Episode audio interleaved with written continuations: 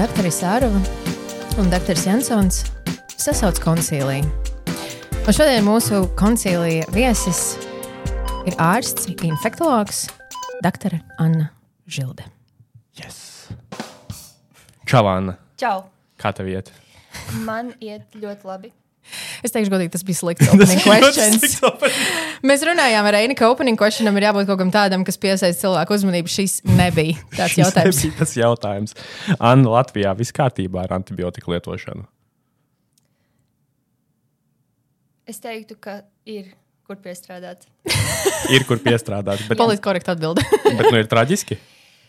Nu, ar, ar ko salīdzinām? Ja mēs salīdzinām ar citām uh, Eiropas vai pat pasaules valstīm, tik traki nav, bet noteikti varētu būt labāk. Bet varbūt pirms mēs runājam par antibiotiķiem, parunāsim par Annu.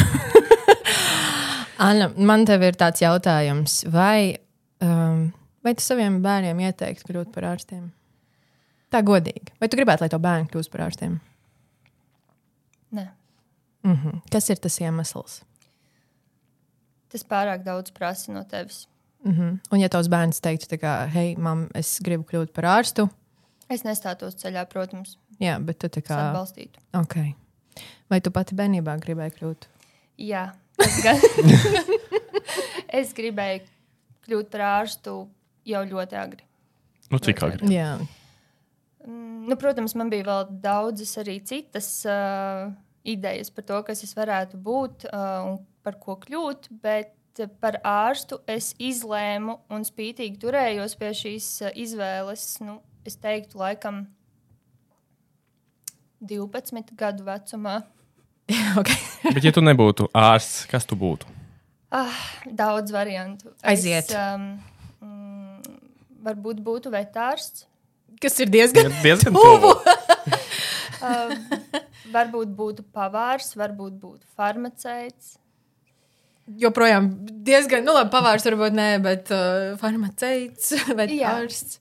Bet tas, tas iemesls tev tā kā vienmēr gribējies palīdzēt kādam, vai ir kaut kāds, vai tev vienkārši bijis kaut kāds. Nezinu. Pilnīgi noteikti tas arī ir liels iemesls. Man vienmēr ir gribējies palīdzēt, un pažēlot, un, uh, un, un palīd, nu, aprūpēt, rūpēties. Uh, bet uh, arī tas uh, zinātniskais aspekts, tā izpēta un tas um, nezināmais, kas ir medicīnā un tādās eksaktajās zinātnēs, vienmēr ir bijis tas laikam noteicošais virzītāja faktors. Bet, ja tu savam bērnam neieteiktu, tas tu pati nožēlo? Nē, Jā. Jā. es pilnīgi noteikti nenožēloju savu dzīves uh, izvēli. Bet, uh, protams, ir. Tu uzdod sev jautājumus dažreiz. Es sev dažreiz, uh, varbūt biežāk nekā vajadzētu uzdot jautājumus, kāda būtu mana dzīve, ja es varbūt būtu izvēlējusies kādu citu ceļu. Bet vai tas nav tā normāli, ka tu esi kaut kādā vietā un tu tā kā bišķiņ iečakojies ar sevi, iezdas. Vai es atvainojos, nevaru angļuiski runāt, valsts valodas centrs mums uz kaut rēķinu solīt. piestādīs. Tā kā vai es esmu savā vietā, vai tas nav tāds dabisks jautājums arī? Domāju, ka cilvēkam, kurš ir introspektīvs, tas noteikti ir tāds, Kas tas bija par vārdu? kurš cenšas sevi izzināt. Lieliski. Tā Paldies. dzīves ziņa jau. dzīves ziņa jau. Nē, man vienkārši liekas, nu, ja mēs tā runājam godīgi, es arī ļoti bieži sev uzdodu to jautājumu. Un man te arī uzreiz ir jāpasaka, ka mēs ar Annu esam draudzenes. mēs ar Annu arī, arī ārpus podkāstu runājam. Un, uh, man liekas, tas ir ļoti tāds bieži jautājums, ar ko mēs vienotrai uzdodam. tā Kā, vai šis ir nu, tas mūsu gala produkts, kā mēs sevi redzam. Jo man pieņemsim, bija tas, ka es domāju, es pabeigšu medicīnas fakultāti, un tad būs tāds gatavs produkts, un tad es vienkārši tā uh, iešu pa dzīvi uz priekšu. Bet tad tu nonāc tajā gala produktā, un tu saproti, hei, es varbūt varētu arī kaut ko citu pamēģināt, kaut ko citu padarīt. Pieņemsim, sākt podkāstu. sāk podkāstu. Tas, būtu nor, tas ir normāls tā kā dzīves gājums. Uh, Anna, ja produkts ir Anna infektologs, tad kas ir tas pamata klients? Infektologiem.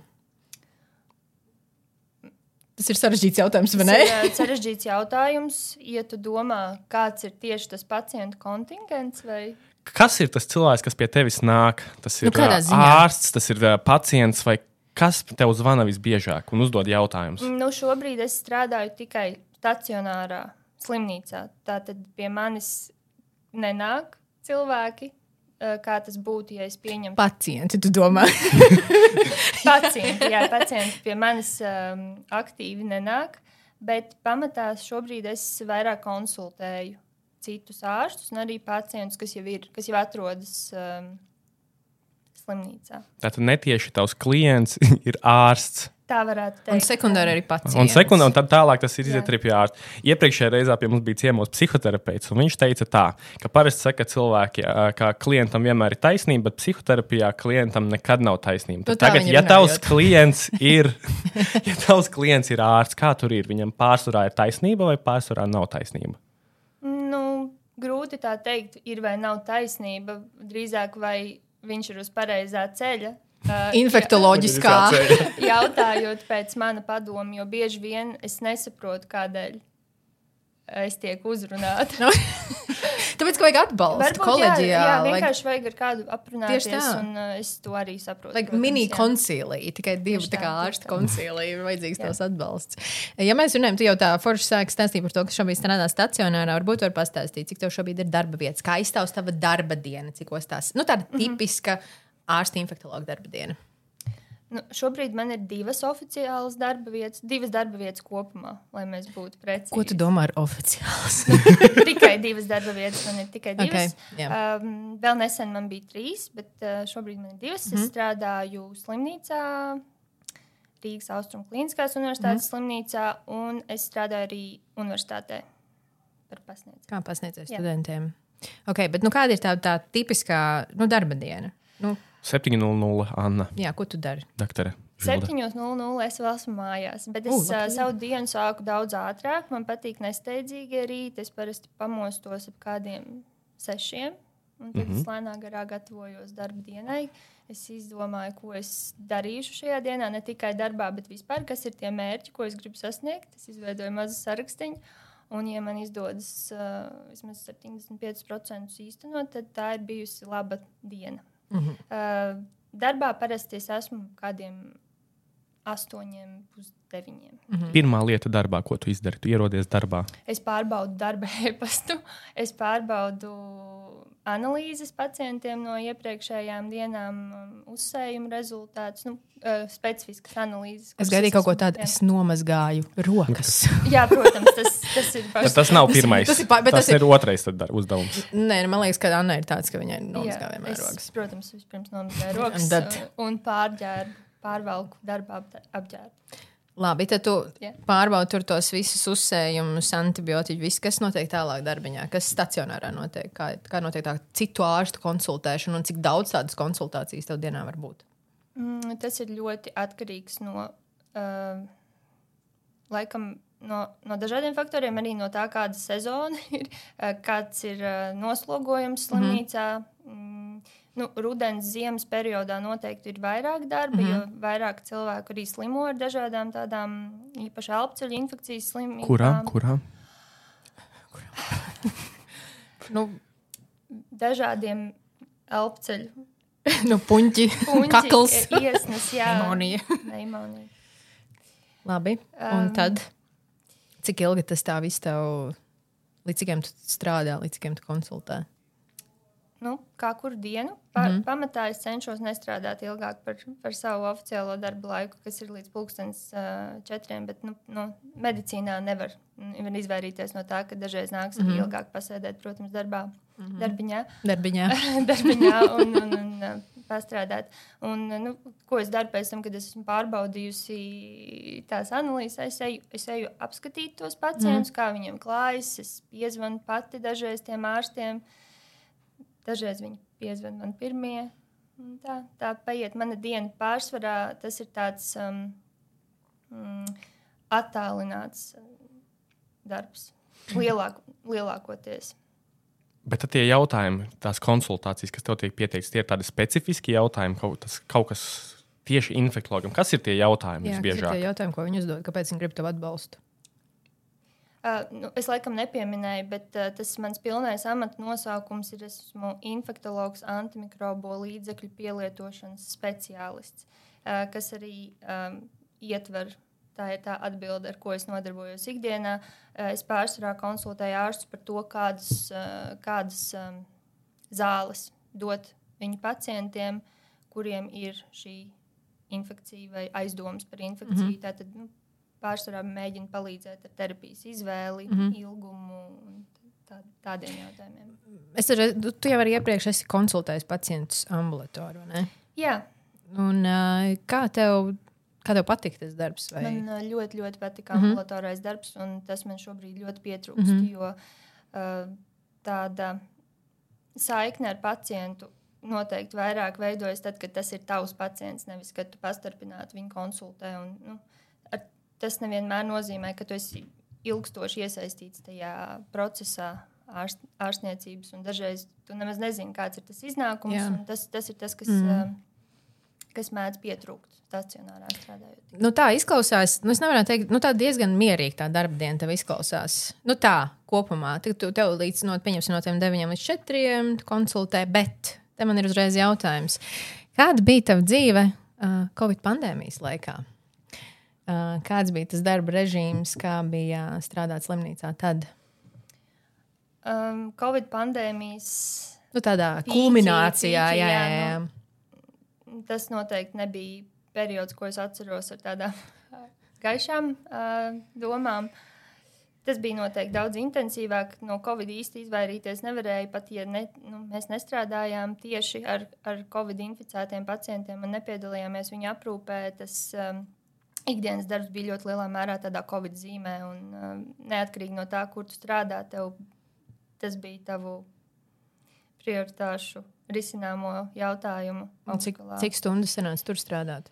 Um, es Covid laiku piedzīvoju uh, rezidentūrā. Mm -hmm.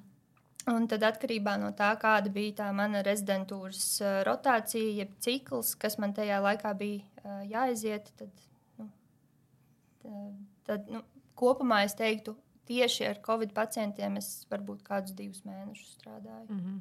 Tā nebija gan covid nodaļa, bet uh, nu, nu, daļai tā bija covid nodaļa, jo covid pacienti bija visur. Jā, viņi reāli bija visur. Toreiz. Bija visur, jā. Kāpēc tu neatceries to laiku ar tādām patīkamām emocijām? Mm, tas ir tumšs, tumšs uh, periods. Noteikti negribētu to piedzīvot vēlreiz. Un, un tas arī bija laiks, kad es um, sāku uzdot savu jautājumu vairāk, mm. vai, vai, šī bija, vai šī bija pareizā izvēle. Tas bija ļoti, ļoti grūti, gan personīgi, gan profesionāli. Tas laiks saistās ar daudziem tādiem zaudējumiem. Jā. Un, uh, jā, zaudētām iespējām arī. Kaut kādā mērā tas nav tāds nu, infektuologa specialitātei piedzīvot globālu pandēmiju. Tas nenotiek visbiežāk. Tas nav kaut kādā ziņā kā, nu, īpaši. Jā, tāda saka, tā kā, oh, tā kā es piedzīvoju to, par ko es mācos grāmatās, un no kā mēs cenšamies izvairīties. Un, hei, re, kur mēs esam, tur, kur mēs Jā, esam. Jā, tas noteikti tā bija. Tas noteikti bija arī uh, aizraujoši un tā. Savā ziņā. Savā jā. ziņā, bet uh, tas, kas nomāca varbūt to to entuziasmu un tādu uh, prieku bija tas, kas viss notika mums apkārt. Varbūt pašā sākumā nē, bet jau nu, mm. pirmajā gadā, kad bija tie drūmie, tumšie rudens mm. uh, un ziemas vakari, tas bija. To arī noguri. Es kā, kā tev bija ar citu Covid pandēmijas, ko tu atceries tādu? Kā tev tas viss periods? Jo es arī ļoti spilgti atceros to periodu. Es atceros sākumu kā kaut ko ļoti aizraujošu. Mm -hmm. Es atceros, kā es sekoju līdzi cipariem. Jā, es es ne, nu, pilnīgi tā nevaru teikt, bet es atceros, kā es kā pie sevis pats ar sevi liku likmes. Mm -hmm. Mēs pārspēsim to skaitli Jā. vai nē. Tas bija kā, no vienas puses baigi biedējoši, no otras puses interesanti. Jā.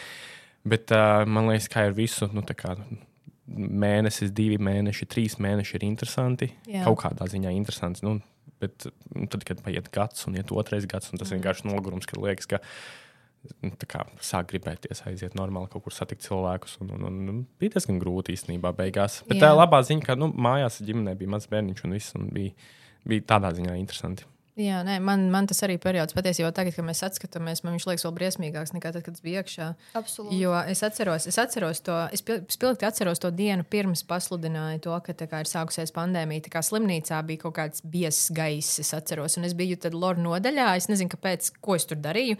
Bet uh, es pilnīgi sapratu, ka kaut, kaut, kas, kaut kas ļoti slikts notiekās. Tad pasludināja pandēmija, tad sākās viss tas, ka tie tukšie gaiteņi slimnīcās, visi sēdēja nodaļās un uh, tās nenormālās stundas. Es atceros, es pati personīgi strādāju nu, 14, 16 stundas, kamēr tu nenogursti. Tu vienkārši dari uh, tās visas lietas. Un, uh, Man liekas, ka jā, kad sākumā tas bija ļoti aizraujoši, bet uh, es nezinu, liekas, ka mēs kā mediķi pēc pandēmijas vēl neesam atguvušies vispār.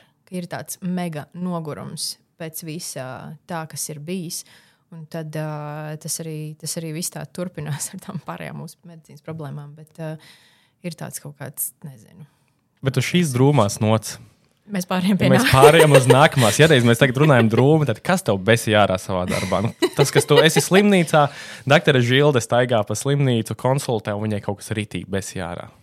Es nepieminēju vēl. Tas varbūt neietilps manos tiešajos darba pienākumos, bet es strādāju infekciju uzraudzības dienestā, Jā. kas nozīmē, ka man ir arī šī uzraugošā nedaudz funkcija, um, kas nozīmē, ka man ir es negribot arī mēdzu piefiksēt dažādus pārkāpumus un varbūt lietas, kas nav. Vieta uzlabojumiem, jā, kur varētu būt. Ir, ir vieta uzlabojumiem, un um, tā noteikti ir viena tāda garoziņa darbam, jo es neesmu tas tāds cilvēks, kam patīk konfrontēt mm. citus, norādīt uz viņu kļūdām un uh, varbūt arī pateikt kādu skarbāku vārdu, kas bieži arī ir jādara. Um, no tā izvairīties nevar. Nu, tas ir viens tāds, kas man varbūt mazāk patīk, tā infekcija kontrole nepatīk uh, par manu darbu arī um, nepatīk, ka neizdodas izveidot vienmēr tādu labu sadarbību ar, ar, ar citiem ārstiem. Mm -hmm. Kur ir visnepaklausīgākie ārsti slimnīcā? Oh, kuriem šis ir? Tas ir kaut kas ķirurģijas virzienā. Jā, virzienā ir kaut kur vismazāk paklausīgi. Es nevaru teikt, ka viņi nav paklausīgi. Nu, infekcijas ziņā. Ka viņi nav paklausīgi, bet uh, Ir specialitātes, kurās uh, ir lielāka tāda autonomija, un viņi negrib varbūt uh, tādu viedokli no malas, no, no kāda cita speciālista, un tad viņi arī ir mazliet rezistenti. O, tad viņi arī ir rezistenti. Pret tiem uh, infektuologu ieteikumiem, kas ir. Jā. Bieži. Laiks mūs spiež, un mums ir jāpāriet pie nākamās sadaļas, kas ir mana mīļākā sadaļa šajā podkastā uh, - draudzene jautājumu. Un uh, šis ir tas brīdis, kad mēs pārējām liekas, atpakaļ pie tā antibiotiķa rezistences jautājuma. Šis ir arī tas, ko mēs ar tevi esam runājuši virtuvē, un kas mums ļoti, ļoti satrauc. Jo man liekas, ka tas ir tāds klusā epidēmija. Pandēmija. Ko, varbūt arī pandēmija, pandēmija. ko mēs nepamanām. Varbūt izstāstīt vienā teikumā, kas ir tā mm, antimikrobiālā rezistence, kā viņa veidojās mm -hmm. un kāpēc mēs, un es domāju, ka Reinis arī piekrītam, ka tā jau ir tāda klusā pandēmija, mm -hmm. kas jau ir sākusies. Jā, es centīšos uh, neizmantot daudz profesionālo terminu. Mums ir sagatavots pīkstils, tā kā viss kārtībā. Uh, antimikrobā rezistence, tas ir, kad mikrobi, mikrobi ir dažādi, baktērijas, vīrusu, sēnītes, uh, viņi kļūst nejūtīgi pret līdzekļiem, ko izmanto to ārstēšanā. Antibiotikas, antivirālie līdzekļi, um, Jebkas, jebprāt, jebkas. Tā tad ne tikai baktērijas. Ne tikai baktērijas, bet baktērijas noteikti ir tāds, uh, viens no lielākajiem šobrīd draudiem tieši antimikrobiālās rezistences kontekstā mm -hmm. - rezistentās baktērijas. Mm -hmm. Kā viņam izveidojas tā nejūtība? Uh, nu, ir vairāki uh, mehānismi. Tātad, uh, vienkāršiem vārdiem. Vienkāršiem vārdiem ja mēs lietojam antibiotikas par daudz, ja mēs mm. viņus lietojam tad, kad varbūt nevajag, vai mm. lietojam nepiemērotas, ne, nepiemērotu antibiotiku, izvēlamies ne, nepresiem cilvēkam un lietojam to bez tādām indikācijām, tas ir noteikti viens tātad, nu, liels antibakteriālo līdzekļu mm. patēriņš. Un arī, protams, infekciju kontrole. Mm -hmm. Jeb tās trūkums ir vēl viens liels iemesls, kāpēc izplatās šīs tādas. Un kāpēc tā ir liela problēma? Tas, ka, pieņemsim, runājot par baktērijām, jo man liekas, tas ir tas, par ko mēs ar tevi vairāk runājam. Kāpēc, kāpēc tā ir liela problēma šobrīd? Jo nu, mans, ik, mans ikdienas darbs arī to varbūt uh, parāda, ka arvien grūtāk kļūst ārstēt, mm, ārstēt cilvēkus, kuriem ir šīs te, mm, biežās bakteriālās infekcijas. Mēs esam pieraduši, ka mēs viņus varam izārstēt ar viņu ar antibiotikām. Un, um, īpaši slimnīcā bieži vien ir tā, ka tā pirmā, dažreiz pat otrā, otrās uh, rindas izvēle vairs nedara. Un, uh, mums trūkst, sāk trūkt tie nozīmē, ka līdzekļi. Īsumā sanāk tā, lietas, kuras mēs varējām ārstēt ar vienu antibiotiku, mēs pamazām vairs nevaram ārstēt ar to pašu antibiotiku. Jā, respektīvi, nav, jauna anti, nu, nav jau daudz jaunu antibiotiku, kas ir, ir kaut kāds tas griestu līmenis sasniegts, un ar vien vairāk mikrobu kļūst nejūtīgi pret jau esošajām grupām. Respektīvi, mēs ļoti tuvojamies tiem griestiem. Uh, Un, ja tā baktērija kļūst arī uh, nejūtīga pret griestu antibiotiķu, tad mums nav principā iespējas uh, vairs to izārstēt. Jo kombinācijas arī nestrādā. Vairs nekas nestrādā. Un sanāk, kad, nekas nestrādā. Un sanāk, ka pacients nu, cīnās pats par to savu izdzīvošanu. Nu, tik, tik traki varbūt okay. vēl nav. Bet vēl varētu būt. Varētu noteikti Jā. būt. Tāpēc mums ir jā, jāuzlūko tās antibiotikas, kas mums ir un ko mēs lietojam kā tāds audzējams resurss, lai mums viņas būtu ilgāk vēl nākotnē, lai mēs viņus varētu efektīvi izmantot. Bet nav arī gluži tā, ka nav, nav ar ko ārstēt. Ir, bet, Tās iespējas ir mazāk. Iespējas ir varbūt mazāk, jā, un jautājums arī par to, kas, kas tās ir par iespējām, kas tie ir par līdzekļiem, jā. vai viņi, vai viņi nav kaitīgi cilvēkam, vai viņi nevar varbūt radīt kaut kādus nevēlamus blakus efektus, kas mm. bieži vien arī tā ir pie tādām jau pēdējās izvēles antibiotikām. Nu, ir izaicinoši noteikti. Mm -hmm. Vai mēs par to pietiekami daudz runājam Latvijā? Es gribu atzīmēt, ka pēdējā laikā arvien vairāk par to tiek runāts, kas ir, kas ir noteikti pozitīvs rādītājs. Es ceru, ka arvien vairāk arī par to tiks runāts. Un, tā ir arī veselības ministrija ir izvirzījusi antimikrobās rezistences apkarošanu kā vienu no prioritārajiem uh, jautājumiem. Tas ir ļoti skaisti. Man liekas, šeit baigi svarīgi veicināt visus jaunos, jaunos ārstus, kas ir mācījušies nesenāk Jā. par antibiotikām. Es pirms atceros, es biju profesora Dumpja skolnieks un uh, dr. Vildas skolnieks, un viņš mums mācīja diezgan daudz par antibiotikām. Tad es sāku strādāt, un citreiz es jūtu, ka tas, ko man mācīja profesors Dumpis, neatbilst tam, ko mēs īsti darām. Tad citreiz ir mazliet grūti novirzīties, jo, nu, kamēr vēl īpaši tu esi vēl rezidents, tad tev ir jālieto to, ko tev saka, vai tas, kas ir pieejams. Tad, man liekas, ka tā baigā nozīme tomēr būs nu, mūsdienu jaunajiem, jaunajiem ārstiem. Es arī domāju, ka tur būs liela. Un galvenais, man liekas, arī, lai jaunie ārsti nepavalkās uz to tradīciju, kad mēs tā darām, jo mēs tā esam darījuši iepriekš, ka mēs tomēr vadamies pēc rezistences datiem, ka mēs arī ievācam kaut kādu statistiku un veicam arī pētījumus un skaidri saprotam, kāda tā rezistence ir šajā valstī un pielāgojam tās atlīnijas. Bet te jau mēs runājam par ļoti sarežģītām lietām. Jau ļoti Jā, sarežģītām. Kā, bet, nu, tā, bet tas ir svarīgi. Tas tiešām ir svarīgi. Man liekas, cilvēki arī neapzinās. Viņiem liekas, ka Covid bija kaut kāds biets, ko viņi vairāk neuztver kā bietu, un antibiotiķi mūsu sabiedrībā nu, nav varbūt tik traki. Mēs nelietojam gluži tik ļoti pa labi un pa kreisi, bet Oi. tomēr tā tendence, es zinu, bet tomēr nav tiešām, nu, es varu salīdzināt ar citām valstīm, bet uh, Uh, nav vēl tik traki, bet tik un tā tā tendence izrakstīt kā profilaktisku mm -hmm. līdzekli pie mm -hmm. vīrusu infekcijām. Uh, tas ir sāpīgi. Jā, tas ir, tas ir ļoti sāpīgi. Hikonsils nav jālieto pie katras saslimšanas. Ir īpaši bērniem. Īpaši bērniem. Um, Man Nākamais. ir jautājums, jau nākamais. Tā ir jautājums īstenībā kontekstā. Twitterī bija pat vēl viens jautājums, bet jautājums par vēl vienu lielu, lielu bloku par infekcijas slimībām. Tas ir vīrusu pusē, cik uh, liela izplatība, cik traki Latvijā ir ar HIV izplatību. Jā. Um, to man uzdeva, starp citu, anonīms viens cilvēks. Un, uh, tas man liekas ļoti labi norāda to, cik ļoti stigmatizēts ir šis temats. Viņš man pateica, viņš man rakstīja ziņā, teica, ka es ne, nu, negribu rakstīt to publiski. Bet, uh, jā, HIV temats par to, cik, cik ļoti viņš ir izplatīts, ne, bez skaitļiem. Un uh, kā varbūt sev pasargāt un kādas ir tās profilaks iespējas.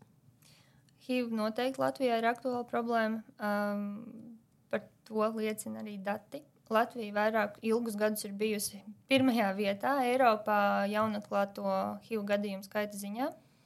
Pēdējos gados mums apsteidz Malta, bet mēs joprojām esam līderos. līderos. Līder. Um, tas norāda uz to. Un, un bieži vien, kad, kad tā di infekcija tiek diagnosticēta, kad um, cilvēkam atklāja HIV, viņš jau ir ļoti progresējis. Yeah. Uh, kas arī norāda, ka uh, mēs neveicam varbūt uh, pietiekami daudz skrīningu, mēs neveicam testus Un, uh, Kāpēc mēs neveicam? Jā, mēs baidāmies, mēs vai kur ir, kur ir tā problēma? Kāpēc mēs netestējamies? Pozitīvā lieta, lai neizklausītos pārāk negatīvi, tā testēšanas kapacitāte katru gadu palielinās. Jā. Arvien vairāk tiek veikti testi, bet joprojām es uzskatu, ka nevienmēr, kad ir indikācijas, tie tiek veikti. Arī, arī slimnīcā strādājot, to redzēt, kāpēc tā ir. Joprojām ir daudz aizspriedumu arī ārstu vidū Jā. par, par HIV infekciju, diemžēl, um, par to, kas ir tas cilvēku profils, kas slimo ar šo infekciju, ka tie ir kaut kādi konkrēti cilvēki. Sabiedrības kas, slāņi. Jā. jā, kas tā nav mūsdienās absolūti. Ar HIV var inficēties jebkurš uh, cilvēks, kurš ir seksuāli aktīvs, un HIV seja uh, gadu gaitā ir ļoti, ļoti mainījusies. Mm -hmm. Man ir papildi, piedod šitai vienkārši tēmā. Mums bija tā tēma par mikrorezistenci, un es kaut ko lasīju. Tās, vai arī pie HIV tā rezistence ir aktuāla. Ja mēs jā. esam progresējuši, ka HIV ir labi ārstējama, kontrolēja saslimšanu, vai tur arī mēs braucam jau kaut kur kaut kādos grāvjos? Um, ar HIV uh, rezistence pret medikamentiem ir nedaudz citādāk. Tur tā rezistence veidojas lielākoties tad, ja um, pacients, kuram ir jālieto šīs zāles, tās um, varbūt nelieto. Mm -hmm. Tā kā viņas ir noteikts lietot, ir milzīga uh, līdzestības pro problēma arī šo pacientu vidū. Tas ir tas galvenais uh, rezistences virzītāja faktors um, HIV pacientu.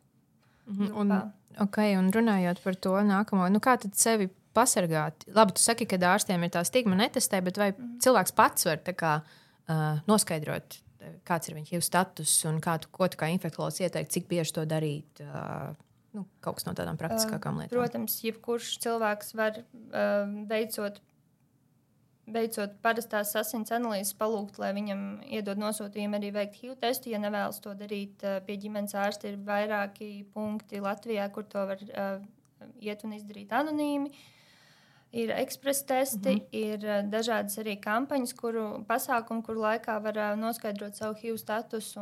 Tā ir tāda pati mm, analīze, kontrols analīze, ko reizi gadā es uzskatu, ka seksuāli mm -hmm. aktīvam cilvēkam vajadzētu veikt.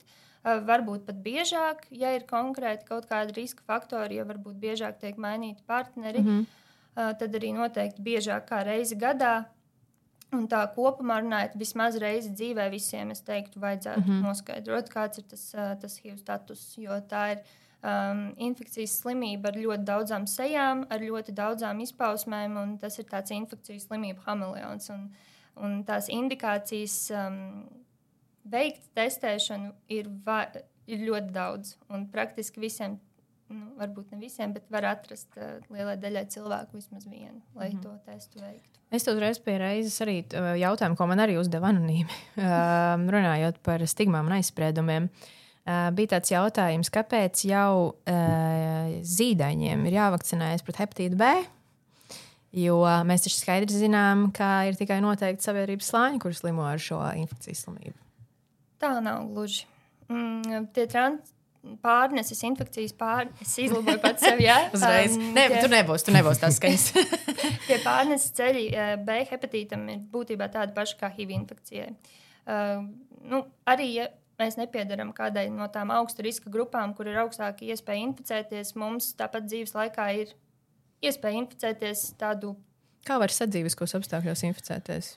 Uh, nu, seksuālu kontaktu. Mm -hmm. nu, tas nav sadzīves. Bet, nu, jā, jā, bet... Uh, nu, e, ejot, varbūt uh, veikt um, procedūras. Um, Kur iespējams? Kur, kur iespējams tātad kontakts ar asinīm ir manikīrs, pedikīrs. Mm -hmm. Ja, tas, ja, tajos, um, ja šajos, šajās iestādēs varbūt netiek ievērotas visas tās uh, higiēnas prasības, tad tas ir iespējams. Mm -hmm. uh, salīdzin, ja salīdzinām B hepatīta vīrusu ar HIV, tad viņš ir uh, daudz izturīgāks. Mm -hmm. Ārējā vidē viņš uz priekšmetiem paliek ilgāk, un tad arī šis um, nu, inficēšanās risks ir ievērojami lielāks tādu sadzīvisku kontaktu ceļā, ja ir um, ne sadzīvisku kontaktu, bet mm -hmm. ja mhm. ir kontakts ar, ar tādiem priekšmetiem potenciāli mm -hmm. inficētiem.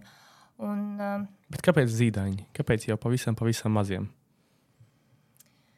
Nu, tas uh, globālais mērķis ir būtībā pilnībā izskaust um, B hepatītu. Un pateicoties vakcinācijai, kas tā plaši tika ieviesta, Dana man neļaus samalot. Es pagājušā, samalot. pagājušā gadsimta beigās, 90. gada beigās. Um, laikā, jā. um, tas um, pre, prevalents, izplatība, uh, izplatība, B hepatīta izplatība cilvēku, kas, uh, kas dzīvo ar, ar šo infekciju, ir ievērojami gājusi uz leju, ir daudz, daudz mazāk. Un potenciāli mēs varam pilnībā to izskaust tā, ka mums nav jaunu inficēšanās gadījumu, mēs to varam izdarīt ar vakcināciju. Kāpēc gan? Ne? Nu, respektīvi, jā, tur jau arī tas stāsts par to, jā. kāpēc mums gaidīt to mirkli, jā. kad uh, tas bērns nonāks kaut kādās iespējamās riska situācijās. Mēs viņu pasargājam krietni pirms viņam vispār iespēja, iespēja kā, saskarties ar to vīrusu. Un nākamā lieta, man liekas, kas ir jāpiemina, protams, tā ārstēšana, kur nav vienkārša. Jā, un arī vēl viena lieta, ko es nepieminēju, uh, jo mazāks vecums infekcijas brīdī, jo lielāka iespēja, ka šī infekcija pāries kroniskā mm -hmm. formā. Tādēļ arī tas ir viens no apsvērumiem, kādēļ bērniņi maz būtu jāvakcinē. Jā, uh, un, jā, un ja infekcija ir pārgājusi jau kroniskā formā, tad ir ļoti nu, izaicinoši to bieži ārstēt. Tam līdz nāk uh, komplikāciju risks dažādu. Tā var būt aknu ciroze un dažādu nu, aknu audzējs arī. Um, man tā ciroze nepatīk. Jā, man tā ciroze man arī man gribējās tā bija šī tā. Kas ar tām aknām? Nē, neatvainojos. Kas, kas ir aknu? Nu, tā vienkāršā vārdā, kas ir aknu ciroze. Aknās ir rēta audi. Jā. Un aknas vairs nespēja darīt savas miljonus funkcijas. funkcijas šajā nu, organismā. Ne miljonus, bet daudzas funkcijas tās vairs nespēja veikt. Tā kā tas būtu jādara veselām aknām, un uh, tas noteikti ietekmē cilvēku dzīves kvalitāti ievērojami. Un tam nāk vēl līdzi klāt arī citas komplikācijas. Bet uh, tas, ko es iesāku teikt, jā, tā tad ārstēšana e, ir, ir sarežģīta. Ir, sarežģīta, jā. Īsti, ir vieglāk sev pasargāt. Jā, vieglāk ir sev pasargāt nekā pēc tam cīnīties ar sekām. Uh, Es esmu par uh, prevenciju pirms. Tas, par ko mēs daudz jā. runājam, mēs tā kā visi jā. runājam, ka ir jāiet uz prevenciju, ir jādomā, kā pasargāties, lai pēc tam -hmm. nav jāārstējas smagi. Un tas ir vakcīnas, ir viens no veidiem. Jā, tas ir burvīgs veids. Tas, tas ir, ir burvīgs veids. veids. Um, tu uzdos nākamā jautājumu. Jā, es Aiziet, jau, man no, ir... es jau redzēju tavās acīs. Aiziet. man, man, jā, man gribējās vēl kaut ko pateikt. Tik daudz ko gribu tev pateikt. Bet, uh, jautājums bija par, uh, par, par, par vienu tādu diagnozi, kuru mēs neatrodam SSK ah. kalendārā. Un es esmu pabijis arī, man ir bijis. Jā, kalend vakcinācija kalendārā es neatrodu. Un es arī esmu bijis ārzemēs, esmu cilvēkiem prasījis par šo jautājumu, un neviens, izņemot Latvijā, un varbūt paspējis telpā, nav man spējis izskaidrot, kas tad ir tās problēma ar to caurvēju. Jā, kāpēc? Caurvējš izraisa saslimšanas vai neizraisa? Kāpēc Latvijam ir tik ļoti bailes no svaiga gaisa? Tas ir vesels jautājums, ko varētu pētīt sociāla antropoloģija. bet uh, caurvējš, caurvējš tas ir ierakstīts, man liekas, mūsu kultūrālajā, kultūrālajā genos. Dzīves ziņā, latviešu jā. dzīves ziņā jā. ir caurvējš. Jā. Un pats vārds arī fonētiski ļoti. Uzrunājuši. Es nevaru atrast angļu valodā, kā iztulkot caurvējus. Bija grūti paskaidrot, ka, ka angļu valodā ka tas ir tad, kad gaisa ienāk un iziet. Gaisa plūsma, jā. jā gaisa plūsma. ok, bet vai, vai caur no caurvēja var saslimt? Noteiktos apstākļos noteikti var tas būt viens no faktoriem, kas veicina varbūt uh, veselības stāvokļa sašķobīšanu. Veicina, jā, nevis izraisa. Ne, nevis izraisa, jā. Protams, ja mēs ilgstoši būsim diskomfortā, ķermeniskā, uh, kur mums ir augsti un mm -hmm. mums velk uz krustiem, piemēram, tad tas, protams, var rezultēties arī. Jā. jā, bet nu, tas noteikti nav iemesls, kāpēc nē, cilvēki nē, no savas perspektīvas. Sapulces, streptokoku infekciju nē, nevar, jā? Nē, nē, nē. Es kā infektologs esmu par caurvēju, respektīvi. Es par gribu, svaigu gaisu drīzāk. Gribu, lai ir svaigs gaiss, jā.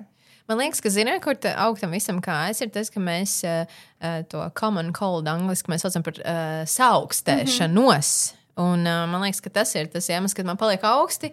Nākamajā tas dienā sasāp kā kakls. Un, nu, t, nu, kā, kā viss saliekās kopā. Līdz ar to man liekas, tur fonētiski un val valodniecībā tas savēlkās kopā, mm -hmm. kāpēc caur es saslimu, jo svaigs gaiss ieplūda telpā. Un tad mēs sēžam visi neviens. Tas ir traģiski diezgan. Un tad, jā, bet tas jautājums bija par to, kāpēc nav klasifikatorā šāda diagnoze. Varbūt vajadzētu. Varbūt vajadzētu. Varbūt vajadzētu. Jo latvietim tas varētu būt tieši laikā. Labi, tieši laikā. Labi, mans ir nākamais jautājums. Mums ir patiesībā sakot, drīz jau ir jāpaļaujas. Līdz ar to es teiktu, ka šis ir pēdējais šis jautājums. jautājums. Šis ir svarīgs jautājums. Ērces un ērču kodumi. Vai ērce ir jānes uz laboratoriju pārbaudīties pēc tam, kad tā cilvēkam ir iekodusi? Nē. Paldies!